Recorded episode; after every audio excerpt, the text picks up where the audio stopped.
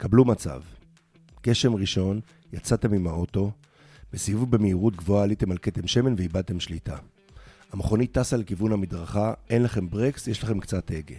אתם צריכים לקבל תוך שבריר שנייה החלטה אלוהית. את מי תדרסו? נערה צעירה או אישה מבוגרת? מה אתם אומרים? שלא נדע. עכשיו קבלו עדכון. אנחנו חמש שנים מעכשיו, אתם באותו מצב, אבל למכונית אין הגה. אתם במכונית אוטונומית. עכשיו צריך לתכנת את המחשב מראש לתשובה גנרית. אבל זאת לא שאלה למתכנת. אז במקרה הזה, התשובה הגיעה מההלכה היהודית. קיימת סוגיה דומה רק עם כרכרה וסוסים. ומה התשובה ההלכתית אומרת? זה לא בסמכות שלנו להכריע. אנחנו לא אלוהים, ולכן צריך להשאיר לאלוהים את הפתרון. אז מה עושים בפועל? עוזבים את הידיים ונותנים לגורל לדבר. איך זה קורה במכונית אוטונומית? המחשב בעצם זורק מטבע, כלומר מבצע החלטה רנדומלית. אבל העולם לא מורכב מהחלטות טהורות. בואו נכניס למשוואה קצת תאוות בצע. לפני כמה שנים נתתי הרצאה ב-HIT, ושם פגשתי את המעצב של אחת תוכנות הניווט הידועות. הוא שאל אותי אם אני משתמש בתוכנה, ושאמרתי לו שכן, הוא שאל אותי אם אני מעדכן את התוכנה בנתונים מהשטח. יש אה, אוטו בצד וכולי, יש תאונה. אמרתי, לא, אני לא מעדכן, אין לי זמן, מה, אני עובד בשבילם? אז הוא אמר לי, אז אתה סוג ב'. אמרתי לו, מה זה אומר סוג ב'? הוא אמר, לפעמים צריכים לתעל את התנועה כדי שלא כולם ייסעו אותו באותו מקום ויהיה פקק. אז אתה סוג ב', שלא, אלו שלא מעדכנים, הוא שולח לנסיעה ארוכה יותר. בדקתי את זה למעשה כבר למחרת, וראיתי, למעשה למחרת ייבשו אותי בכמעט חצי שעה על כביש 6. אפשר לראות לפעמים, למשל, שאתה נוסע ואתה מבקש להגיע לתחנת דלק, ואז אתה עובר ליד תחנת דלק והוא לא מכניס אותך כי הם לא משלמים לו. עכשיו בואו נתקדם ונחבר הכל מעכשיו.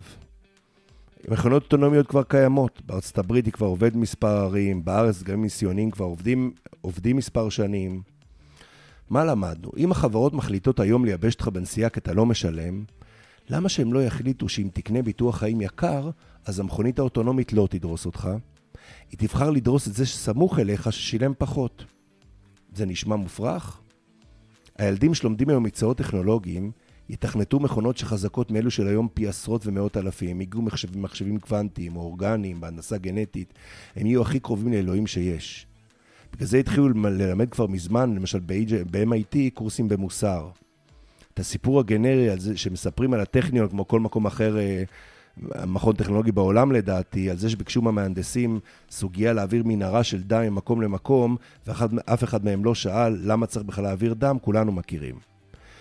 בגלל זה מה שחשוב במערכת החינוך זה איזה אדם היא תוציא, מה יהיה הכישורים האנושיים שלו. כי פוטנציאל, פוטנציאל הנזק העתידי יכול להיות עצום, לפעמים בלתי ניתן לתיקון. כל מי ששומע את מה שאני אומר עכשיו, ויש לו נגיעה לגיוס לחברות מסחריות, צריך לנסות להביא מגוון של דיסציפלינות למערכת. מי שלומד באקדמיה צריך לנסות ולשלב מדעי הטבע מדעי החברה והרוח. צריך לשבור את המנהרות של הידע ולהביא מגוון של צורות חשיבה. כמו שאנחנו מטמיעים diversity ומקבלים אנשים מגוון של גזעים, עדות, ג'נדרים, גילאים, צורות גוף, ככה צריך לגוון בידע שנכנס למערכת. חברות ירוויחו. הם יקבלו יצירתיות רבה יותר, יהיו חדשניות יותר ועמידות יותר לפקעים של מציאות משתנה. אבל בעיקר העולם ירוויח. האדם שיחתום על החוזה שיבטיח שלא תידרס על ידי מכונה כי שילמת ביטוח חיים יקר כבר נולד.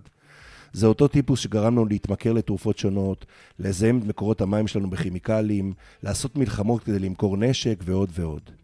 אני חושב שהגיע הזמן של האנושות להיות אנושית. בהצלחה.